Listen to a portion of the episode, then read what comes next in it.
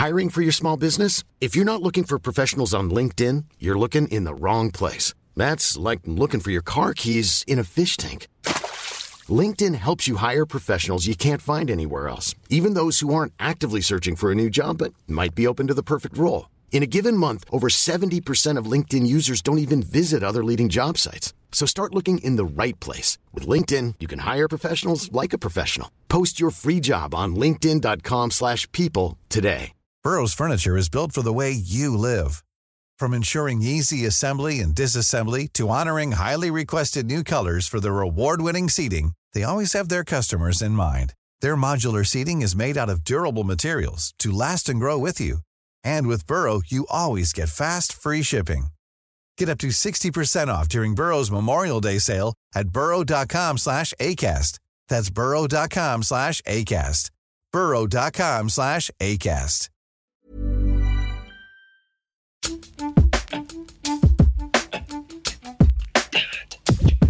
Jag vet dessutom också vilka pressetiska regler som de lyder under. Ehm, De följde de ju inte nu på en rad olika punkter. Det kladde jag mig när jag blev berusad och jag hade sagt det till henne. Och eh, hon eh, hade avvisat mina kramar så här, så som jag menar med kladd. Inte tafsar gör jag inte, men jag kladdar liksom. Om det är långfredag! Det är påsk! Du älskar att de plågade Jesus. Är det det som är grejen? Alltså just det, just det älskar jag ju inte. Men man kan också konstatera att det är ju de bästa låtarna i kyrkan som en vän till mig sa en gång för länge, länge sedan. Uppstått har Jesus, hurra, hurra. Han lever, han lever. Alltså vet du, det är så, jo, det är fest.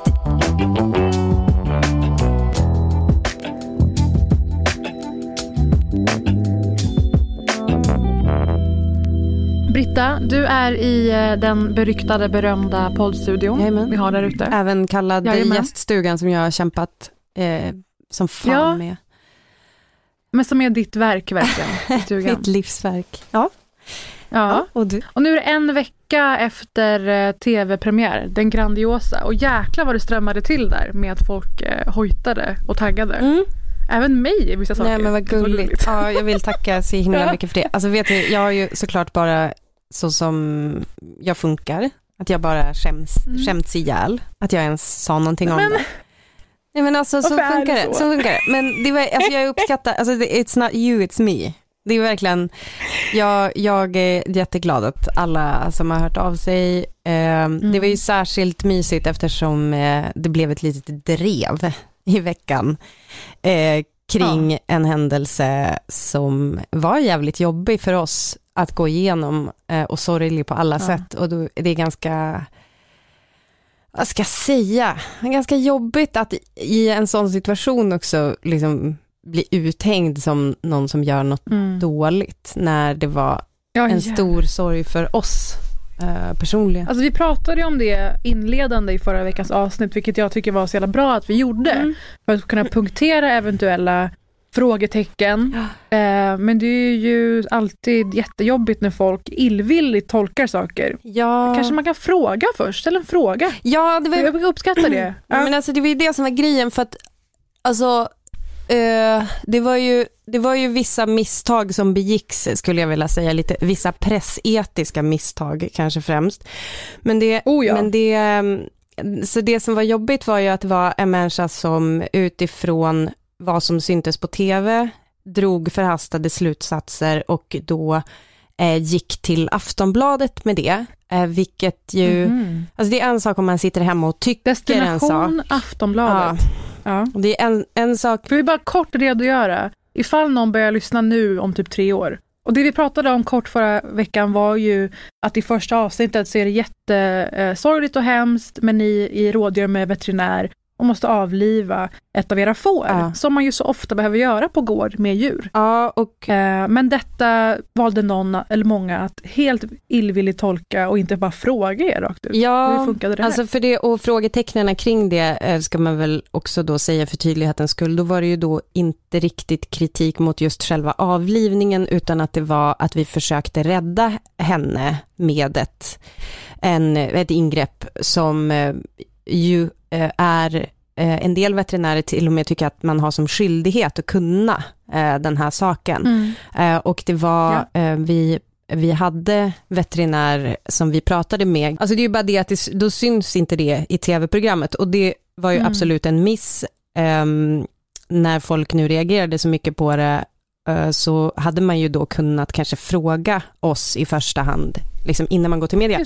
Men när man nu har gjort det, då kan man också tycka att det är Aftonbladets skyldighet att vara tydliga när vi mö- bemöter den kritiken. Alltså de här förhastade Mm. slutsatserna som en människa, en veterinär, drar av att bara titta på det här på tv. En veterinär som dessutom liksom erkänner att det här är ett liksom vedertaget ingrepp man kan göra och eh, vi, vi har också... Men folk läser ju bara rubriken, vi vet ju Vi det. vet ju det. Och då är det ju intressant när man har blivit intervjuad, eller i det här fallet då Mm. Kalle, blev intervjuad och så bemötte han den här kritiken. Eh, och den där veterinären, hon eh, beskrev ju det här ungefär som att vi ringde en vän och sen liksom gjorde Ja. ett ingrepp. Och, och då sa Kalle när han blev intervjuad att det är ju direkt felaktigt för att det är inte en vän vi ringer, vi ringer ju en expert, alltså det som är med. Och sen dessutom så Ja. pratar vi med en veterinär. Eh, då eh, skrev Aftonbladet först i brödtexten, eh, eh, paret ringer en vän. Alltså efter citatet Mm. från den här veterinären så beskriver de det som, bes- beskriver liksom journalisten det som att vi ringer en vän. Eh, så då var mitt första, ja, eh, så då var mitt Mm. första samtal till den här reporten, det var att eh, jag bara, du kanske inte ska anamma hennes retorik om du ska skriva en Ja. objektiv artikel. Eh, alltså hon fick ju också pågå med sina anklagelser i typ 90% av den där artikeln och sen i slutet Mm. så fick, var liksom två citat från Kalle där han bemötte det Mm. och inte typ det hon sa som var rakt av felaktigt. Det är en tydlig mediecirkus från början till slut. Allt kring hur narrativ byggs, tv, hur det klipps, hur publik kan missuppfatta och illvilligt tolka och hela vägen fram till liksom granskande medier, vilka misstag de kan göra. Jag tycker att ni har hanterat det jättebra, det jag har sett. Ja, men eh, du, det du inte har sett är när jag inte hanterar det så bra, för sen, så, alltså grejen är ju så här, Parisa, du vet ju Mm. att jag är ju typ den första att försvara journalister, alltså som, som yrkeskår. Jag är ju typ den första att liksom så här, ja, ja, men de följer ändå pressetiska regler och jag blir så här upprörd när folk så här, eh, drar media över en kam och bara liksom som att media eh, är ute efter att illvilligt eh, skildra eller tolka personer och så vidare. Jag bara, hallå, det är journalister, de, de har en objektivitet som de är skyldiga att ha. Mm. Eh, här fick jag eh, känna på att det kanske inte gäller alla journalister. Hashtag inte alla Nej, journalister. men de gör ju alla, de gör ju alla journalister en otjänst. Ja. Vi kämpar ju med det, de här äh, alternativmedierna som pågår och då måste ju etablerade medier, alltså riktiga medier helt enkelt, vara ytterst mycket mer noga egentligen för att upprätthålla någon slags nivå. Mm. Då är det så deppigt att se sånt här och vi kommer ju gå in på det, Lamberts, Göran Lamberts idag. Och väldigt tydliga medieetiska fel där. Och det, det är ju en del av media att kunna kritisera även media. Och det är så man sanerar det, det är så man gör att det är någonting vi kan lita på. Så det är jättebra att ni reagerade och ändrade dem då efter era kommentarer. Ja men då är det så här, först, mitt första samtal gällde då det, därför att jag, jag är ju också en typ resursstark person, så att jag, jag orkar ju ta det här tjafset Exakt. till en början, obs. Ehm, och jag vet också mina rättigheter, jag vet dessutom också vilka pressetiska regler som de lyder under. Um, de följde de ju inte nu på en rad olika punkter, Mm. men bland annat så gällande objektiviteten, och i det här fallet att, att då anamma hennes värdering, alltså veterinärens värdering att det var en vän vi ringde, det är ju liksom inte sant för det första. Eh, sen är de också skyldiga att rätta saker som, eh, eh, alltså de är skyldiga Ja. att, att eh, eh, göra en rättelse där felaktig fakta liksom finns. Eh, sen mm. så hände det här spännande som var det som jag verkligen fick tappa, alltså det som, det som verkligen fick mig att tappa det, det var mm. ju att eh, när det här, när jag ringde till reporten och klagade på, ja, i typ hur han hade uttryckt sig, inte objektivt i texten, um, då var rubriken fortfarande SVTs ändring efter veterinärkritiken, typ. Någonting sånt. SVTs ändring efter kritiken. Eh, jag vet inte om de märker att de typ inte får tillräckligt med klick, men eh, senare på dagen så var ju rubriken den här. Veterinärilska mot djurplågeri i SVT. Eh, då ska vi se. Och en bild på er då, fast med satanhorn i pannan, inredigerade, och röda glödande ögon. Då är det, alltså för det som, det som är grejen med det här, det är ju då, det finns två saker som jag vill ta upp här. Dels så står det djurplågeri, yeah. eh, som att det är ett faktum. Det står inte misstänkt mm. djurplågeri. Eh, Åh, gud, jag får ont i hjärtat. Ja, så att då står det, då står det också liksom mot djurplågeri i SVT, som att det är ett faktum att det är mm. djurplågeri i SVT och då har veterinärerna reagerat, vilket man ju, om man bara läser rubriken, känner, det är väl självklart reagerar veterinärer på det här, eftersom det är djurplågeri. Mm. Eh, och då eh, skrev jag ett sms till reporten att eh, jag vill bara veta om det eh, är så att den här veterinären som är citerad i artikeln kallar det för djurplågeri någonstans, för det finns, det finns inget citat i artikeln där hon nämner Nej. djurplågeri. Vänta nu, så inte ens veterinären själv har sagt ordet djurplågeri någonstans? Nej. Så det är Aftonbladet. Förlåt, jag skrattar, ja. men det här är katastrof. Det är verkligen. Aftonbladets egna ord. Om det är reporten eh, som har skrivit det eller om det är någon, någon redigerare eller något annat, det, det vet jag inte. Men mm. eh, jag eh, ringde ett antal samtal till den här reporten ehm, mm. och eh, ja, det, det blev en ändring till slut även på det. Ja, men, men, grejen är att det är sånt jävla allvarligt brott och att dessutom bli anklagad mm. för djurplågeri. Vi har inte gjort något fel och jag tror inte heller att någon uh, som sätter sig in i det heller tycker att vi har gjort något fel. Det är bara det att utifrån hur det ser ut i tv-programmet så kan man om man vill dra lite förhastade slutsatser och det väljer ju då de här att mm. göra och sen inte ta det vidare med sig själva, typ jaha, säger du så, ja då tar jag tillbaka. Utan det är bara, mm. nu är det bara ute där som ett faktum. Och trots det här trots att vi, jag då håller på hela dagen och krigar mm. eh, mot eh, deras jävla redigering, eller vad man ska säga, så är det ändå mm. i papperstidningen dagen efter brottsligt. Du skojar. Då är rubriken brottsligt SVT och så står det även ett eh, med flit syftningsfel Fåret måste avlivas efter programledarnas behandling. Som att det är behandlingen som gör att vi måste avliva det. Det är så jävla grovt. Men då låter det som att det här pågår fortfarande. Får jag bara fråga det först? Är det så att ni har, att ni för någon process eller har tagit det här vidare på något sätt? Jag skulle tycka att det var viktigt att göra det faktiskt, för att folk ska lära sig en läxa tror jag.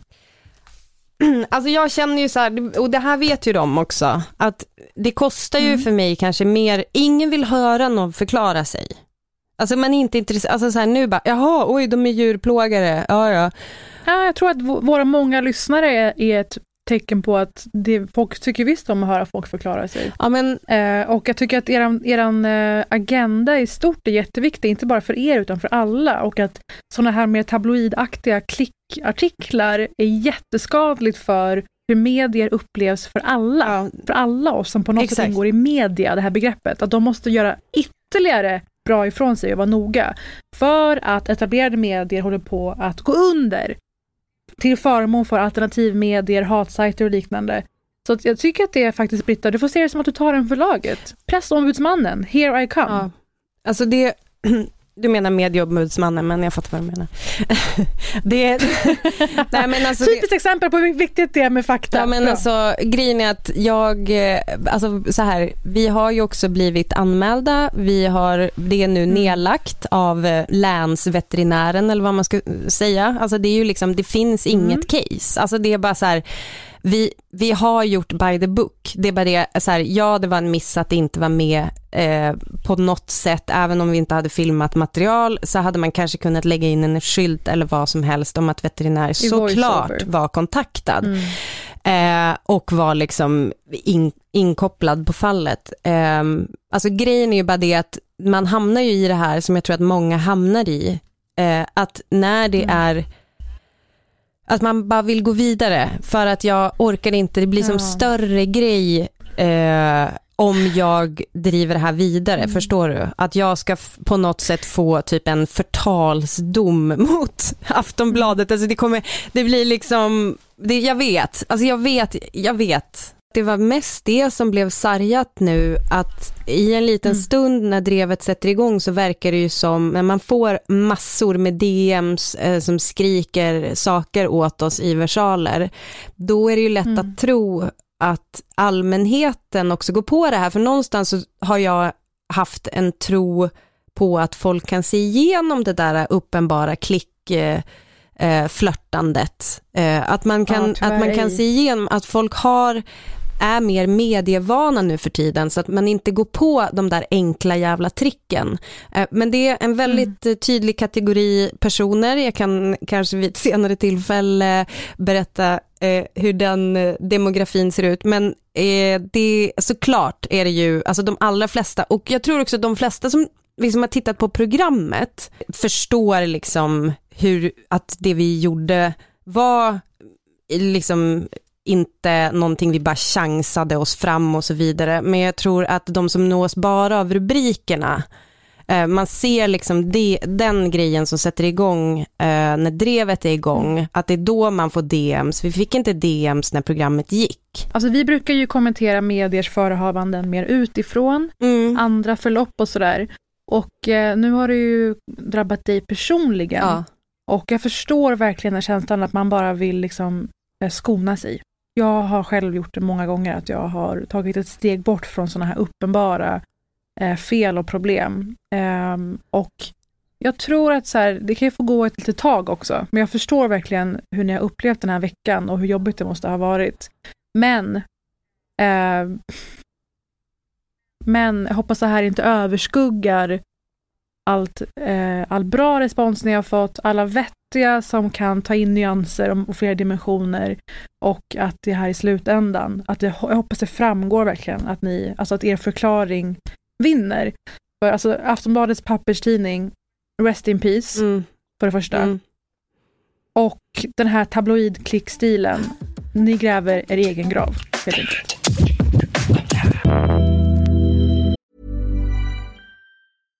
I'm Sandra, and I'm just the professional your small business was looking for. But you didn't hire me because you didn't use LinkedIn jobs. LinkedIn has professionals you can't find anywhere else, including those who aren't actively looking for a new job but might be open to the perfect role, like me.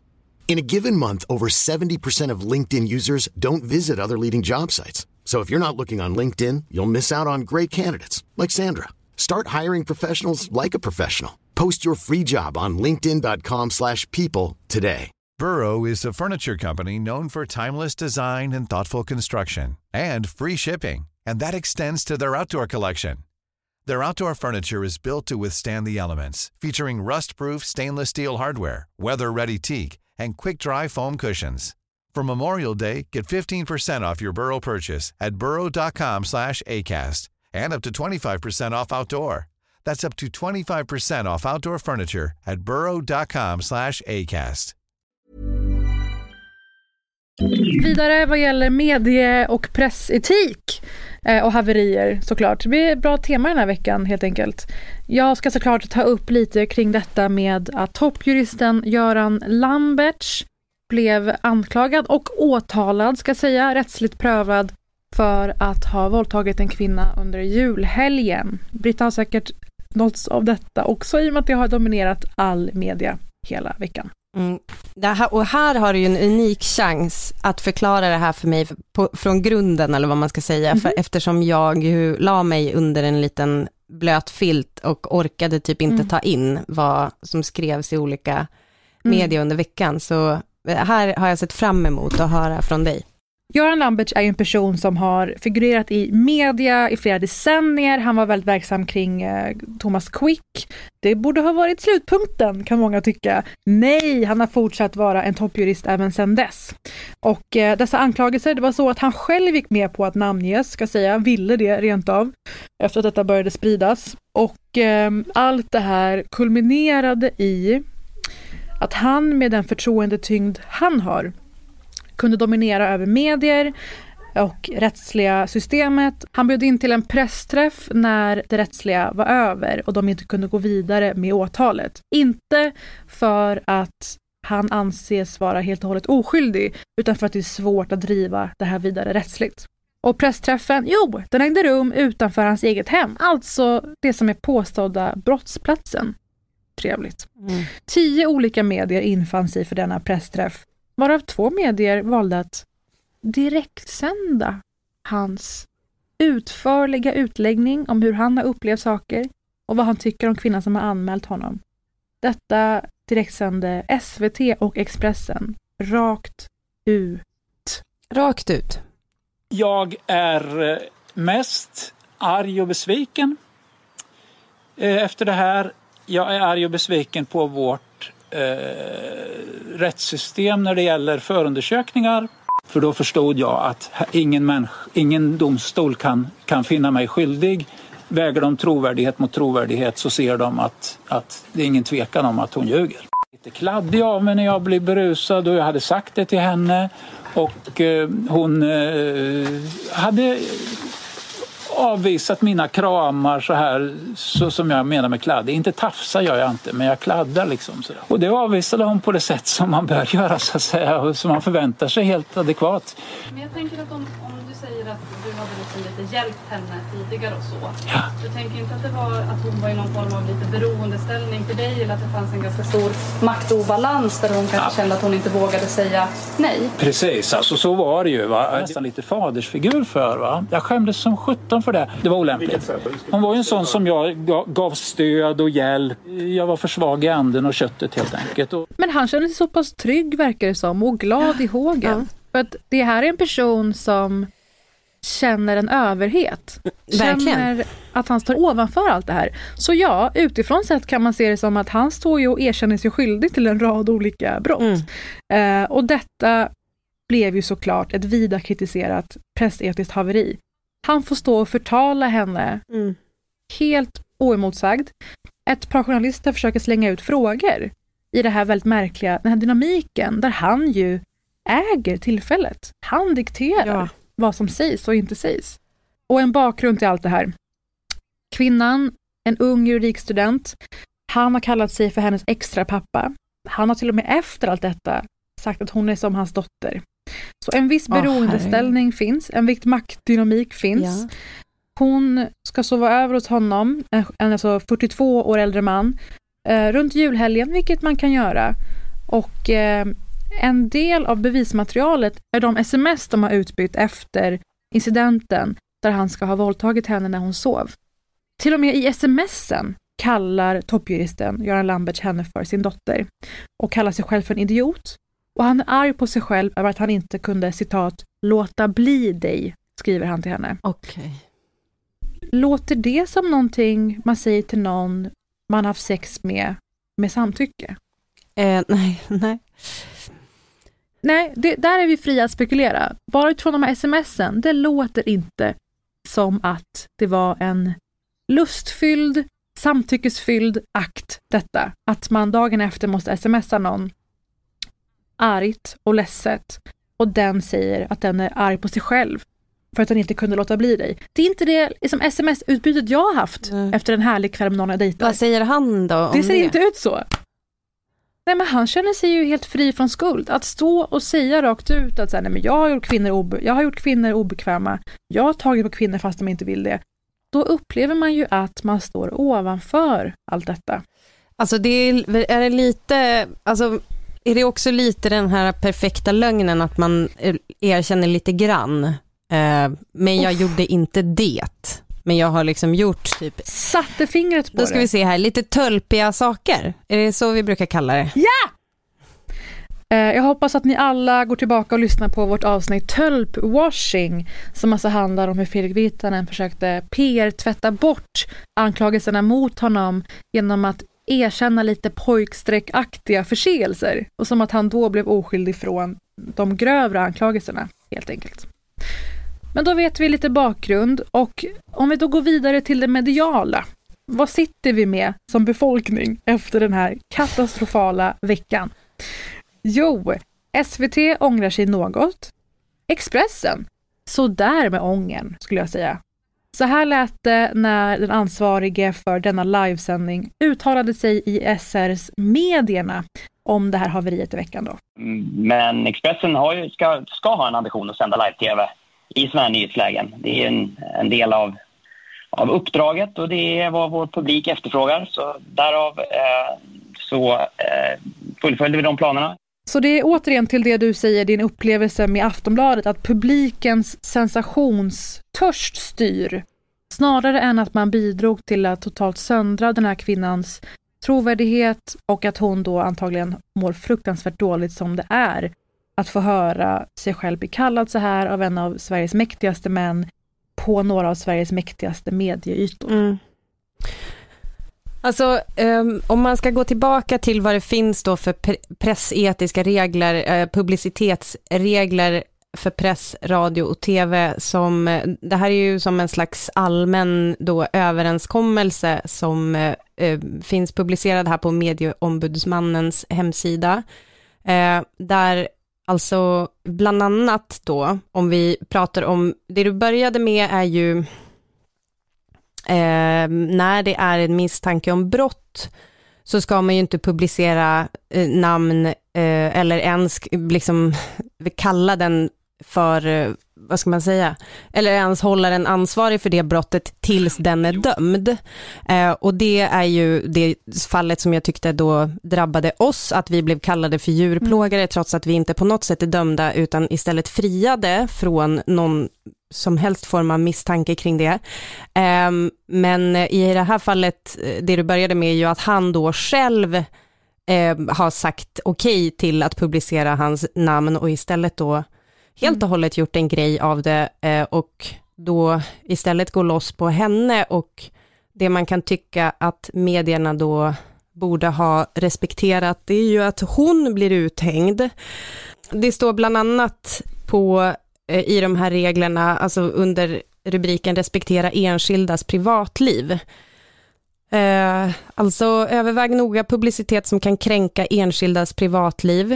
Eh, det är ju ett fall här kan man tycka. Visa alltid offren för brott och olyckor största möjliga hänsyn.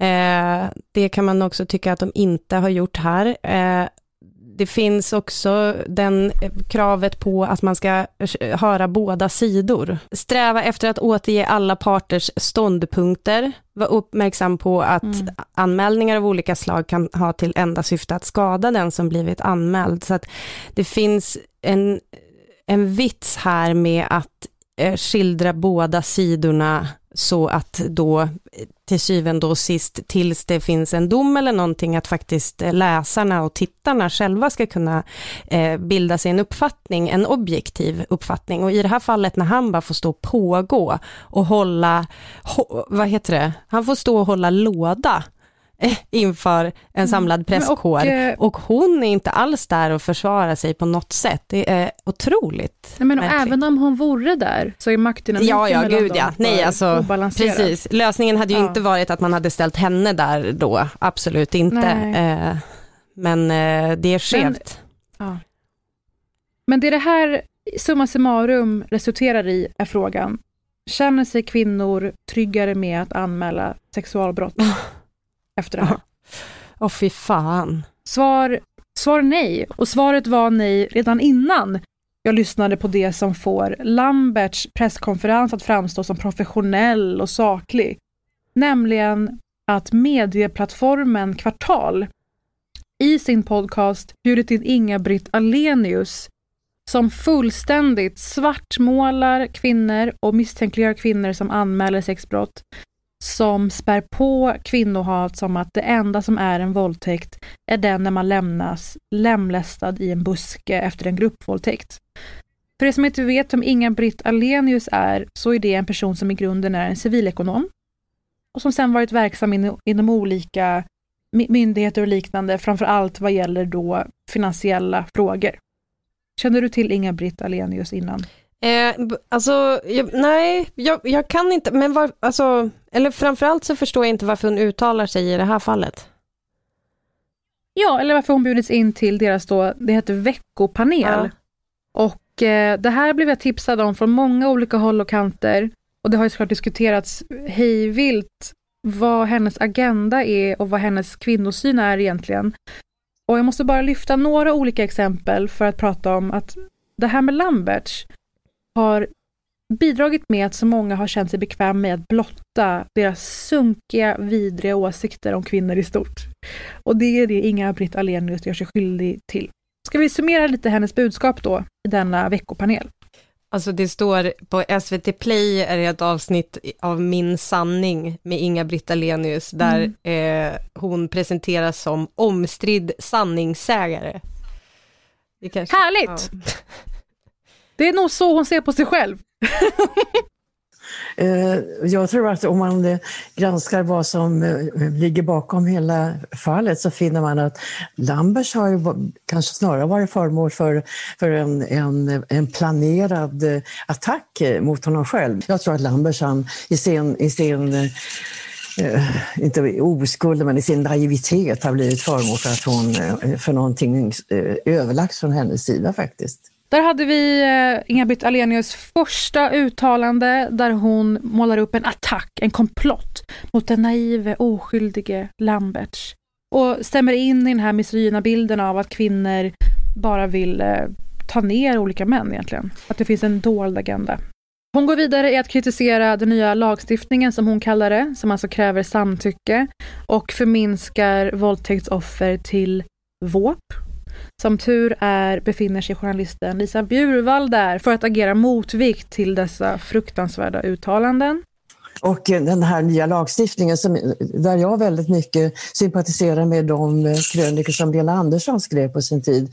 Framförallt med anledning av, av diskussionen kring klubben och Jean-Claude Arnault. Eh, där hon var väldigt kritisk till den nya lagstiftningen som, som enligt hennes uppfattning också istället för att skydda kvinnan så att säga, gjorde kvinnan till ett eh, ett offer som måste skyddas av lagen, alltså ett våp som inte har förmåga att själv, att själv eh, ta ansvar för sitt liv. Är det någon slags eh, misogynception när det är en människa som mm. citerar Lena Andersson, i, som inte heller kanske är kvinnornas främsta försvarare, eller? Nej, det är hennes eh, rubrik i framtida Min sanning-avsnittet. Inte kvinnors försvarare. Och sen till det mest alarmerande. Att det som Inga-Britt Alenius tar med sig av allt detta är att hon ser en helt annan grupp som det tydligaste offret för frågan om sexualbrott mot kvinnor ah. som finns i så enormt stor utsträckning i alla samhällsskikt. Mm. Hon tänker ju på sönerna va? Jo, men jag tycker att den här nya lagstiftningen har infört en gråzon som gör att eh, varje förälder också måste varna sina söner för vad de kan bli utsatta för.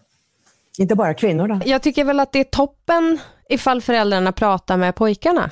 Det som är intressant är att hon säger att, hon måste, att de varnar sina söner för vad de kan bli utsatta mm. för. När det man gör idag ja. så varnar vi ju tjejerna. Alltså så ser det ju ut och det verkar hon tycka är rimligt trots att vi vet att de som begår de här övergreppen det är just sönerna. Så varför inte mm. ja, inte varna sönerna för vad de kan citat bli utsatta för. Eh, det är inte direkt att de blir utsatta för något om de blir anmälda för brott som de begår. Då är det eh, i själva hur det brottet ser ut så är det faktiskt att man utsätter någon annan för någonting. Men det eh, mm. kan hon kanske läsa på lite om. Läs en bok, Inga-Britt Alenius. Det är ju ett bra förslag att eh, vi pratar med våra pojkar. Alltså, det gör ju 100% team snacka med pojkarna. Otroligt bra slutsats. För det jag kände när jag lyssnade på det här var att okej, nu råkar det vara så att Inga-Britt Alenius säger det här från en plats där hon mer misstänkliggör kvinnor ja. och tjejer än vad hon gör de 97 procent som utför alla sexualbrott i Sverige, nämligen män. Mm. Och så kände jag så här, om det är vad som krävs för att män ska ta ansvar, veta om var gränserna går juridiskt och människo, alltså mellanmänskligt, att de ska känna in om kvinnor är okej med att ligga med dem, om de faktiskt till och med vill ligga med dem. Alltså det är en bra bit från okej till att vara kåt på en man och vilja ligga med honom. Så om de ska riskera att citat utsättas eller drabbas, som Inga-Britt Alenius förminskar detta enorma samhällsproblem till, om de då ska akta sig för att bli anmälda som enda incitament för att inte skada en kvinna. Mm. Vet du vad? Fine. Fine Inga-Britt Alenius. Det är jävligt roligt att hon menar att påminna någon om att vissa saker är olagliga. Det där samtalet är ju, om man översätter det, då är det så här att en förälder säger så här, du, det finns en lag som är så här, om du bryter mot den lagen, eh, då kommer du att eh, straffas för det förhoppningsvis. Eh, det tycker jag är ett helt rimligt samtal att ha med sina barn. Till exempel, man får inte Men stjäla. man, det är Ja, förbjudet och då kan du hamna, inte kanske i fängelse, men få böta eller någonting sånt där. Eh, så det är väl helt och hållet rimligt. Jag tycker det är konstigt att hon målar upp det som det sjukaste hon någonsin har hört. Summa summarum av allt det här. Kvinnor har kritiserats för att outa förövare på digitala plattformar. Detta har kvinnor gjort på grund av grundläggande misstro mot rättssystemet. En kvinna som då driver en fråga helt juridiskt inom systemet, detta blir resultatet. Mm. Hon är förtalad i direktsändning i medier, direktsänt från Sveriges största medier. Hon kallas för lögnerska och bedragerska av en toppjurist som dessutom brister i anonymiteten och outar hennes namn. Är det sant? Hennes Här namn hade- kommer ut också. Ja, ja. Herregud. Han, sitter, han, står, han sa det direkt i presskonferensen. Ja men vad i helvete. Här hade rättssystemet och medier en chans att reparera den misstron. Visa att de har lärt sig någonting. Så, frågan, varför anmälde du inte bara? Denna vecka har väl besvarat den frågan för sista gången. Tack Göran och Inga-Britt! Det är ju min favorithögteljen också idag eh, eftersom det är långfredag. Det är påsk. Du älskar, du älskar att de plågade Jesus. Är Eh, det det som är grejen? Alltså just det, just det älskar jag ju inte. Men man kan också konstatera att det är ju de bästa låtarna i kyrkan som en vän till mig sa en gång för länge, länge sedan. Uppstått har Jesus, hurra, hurra. Han lever, han lever.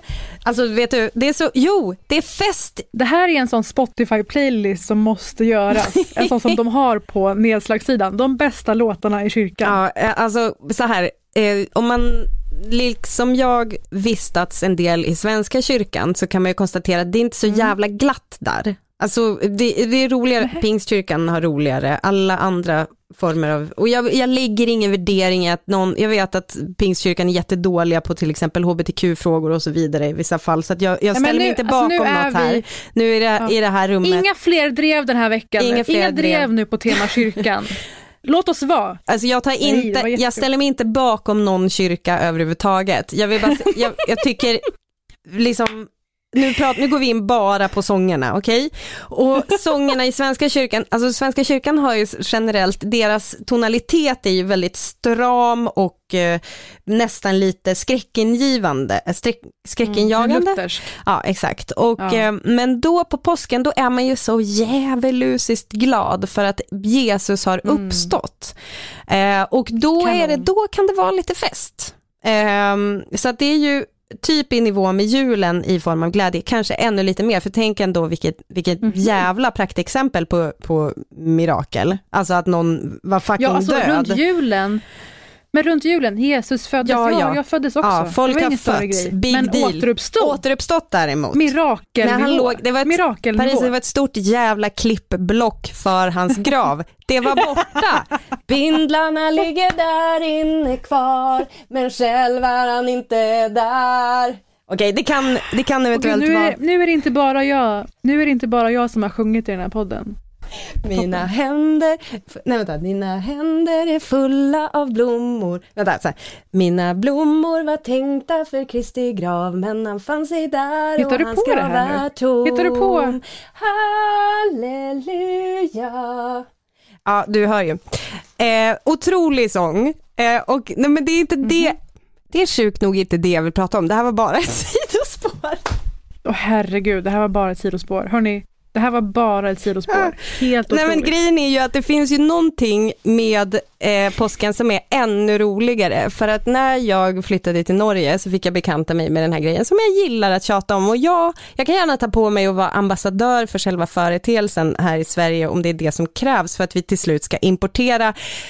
Jag pratar såklart om det bästa vi har fått av Norge. Näst efter choklad med bubblor i så är det här påske, påskekrim det bästa som vi har fått från Norge. Eh, påskekrim, påskekrim, eh, det är ju fenomenet att i Norge så sparar man typ alla releaser för deckare sparar man till påsken och det går också deckare typ dygnet runt på tv. Det är som att på något sätt så har det blivit att man bara djupdyker i eh, mysterier, true crime och så vidare just runt påsk. Jag vet inte varför, men det är jävligt mysigt. Så då hade jag Men gud, aldrig hört talas om. Nej, du har inte det? Påskekrim, Jag trodde, ja, påskekrim. Påske... Nej men det är verkligen en grej i Norge och det här, alltså det, det var som att, alltså när jag första gången stötte på det här så var, jag möttes av tappade hakor.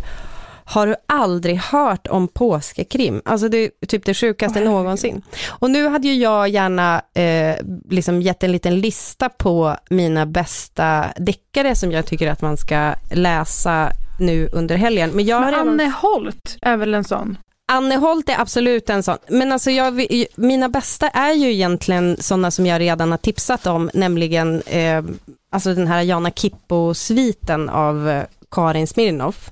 Så jag kan bara påminna alla om att läsa den. Sen så tycker jag att, om man inte har sett Tunna blå linjen så kan man ju absolut, det tycker jag faller under kategorin påskekrim. Men, vad ska, men du, Snöänglar.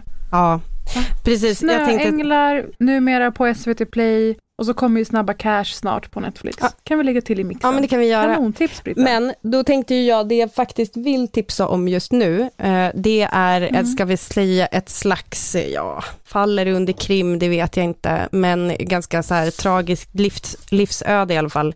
Elin Kullhed har skrivit en roman om Sylvia Plath som heter Eufori. Ja, ja. Har du läst den? Nej, men jag har läst Sylvia Plath. Well, Och jag tycker det är så kul att du säger att är det här krim eller inte? Hon har gjort sig skyldig till att vara jävligt tragisk. Är det det du säger? Det är brottet. ja men exakt. Och det tycker jag, alltså, så- Ja, och hon, det slutade ju såklart också mordiskt. eh, alltså mycket Att hon tragiskt. tog sitt eget Och det liv. tycker jag, det duger åt mig. Alltså jag, jag, jag känner att just den där klassiska deckaren kanske inte är min kopp te. Så det är väl lite det, att jag Nej. står, jag står och hejar på er som vill hålla på med det. Men jag känner kanske inte att det är det jag kommer djupdyka i helgen. Jag ska istället eh, liksom gosa med eh, Sylvia Plath. Jag är inte säker på att det är så vi uttalar det. Eh, Hon är amerikan, men vi kör. Ja, men okej.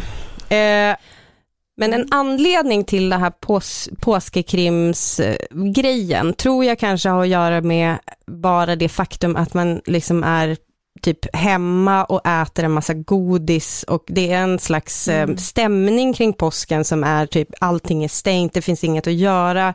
Vi har inte riktigt den där traditionen med att man åker runt till en massa släkt och vänner och sånt där som man gör på julen. Så att det är väl typ så här, vad ska vi göra? Det är läsa vi kan göra. Och tyvärr så har ju, hmm, nu ska vi se, har hela vårt år varit så på sistone, att vi varit instängda i våra hem, knappt någonting annat är öppet och ja, i alla fall jag äter en del godis.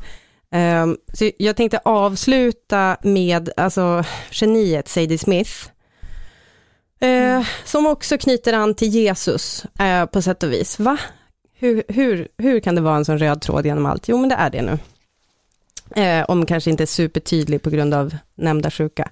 Eh, hon skriver i den här intimation som du gav till mig fast jag redan hade den. Eh, och jag Mm, kan rekommendera perfekt, att man lyssnar på den eh, på eh, ljudbok för att hon har läst in den själv, så hon gör också lite... Nej! Och hon gör också olika amerikanska röster. Alltså det är väl... Nej, men nej, alltså det är så jävla bra. Hon läser ju så jävla jävla bra. Men av rättighetsskäl, jag vet inte om vi liksom typ får spela upp det, så tänkte jag att jag bara läser det, Mm. även om det såklart är piss jämfört med eh, originalet. Okej. Det är, jag vill läsa ur kapitlet som heter Suffering like Mel Gibson. The misery is very precisely designed and different for each person. And if you didn't know better, you'd say the gods of comedy and tragedy had a hand in it. The single human in a city apartment thinks, I have never known such loneliness. The married human in the country place with partner and children dreams of isolation within isolation. All the artists with children, who treasured isolation as the most precious thing they owned, find out what it is to live without privacy and without time. The writer learns how not to write, the actor not to act, the painter how never to see her studio, and so on. The artists without children are delighted by all the free time for a time, until time itself begins to take on an accusatory look, a judgmental cast. Because the fact is, it is hard to fill all this time sufficiently, given the suffering of others. Hon knyter ihop det här med mimet med, där Mel Gibson sitter och förklarar för Jesus någonting och så är captionen explaining to my friends with kids under six what it's been, been like isolating alone. Eh, vilket är ju det som knyter ihop långfredagen med Sadie Smith. Nu tar vi helg, eller? Jag tycker vi gör det. tack för att ni har lyssnat ännu en vecka. Vi finns på Britta och Parisa på Instagram. Och tack Britta! Tack Parisa. Puss och kram. Puss och kram, glad påsk! Ja, Adjö. detsamma. Adjö.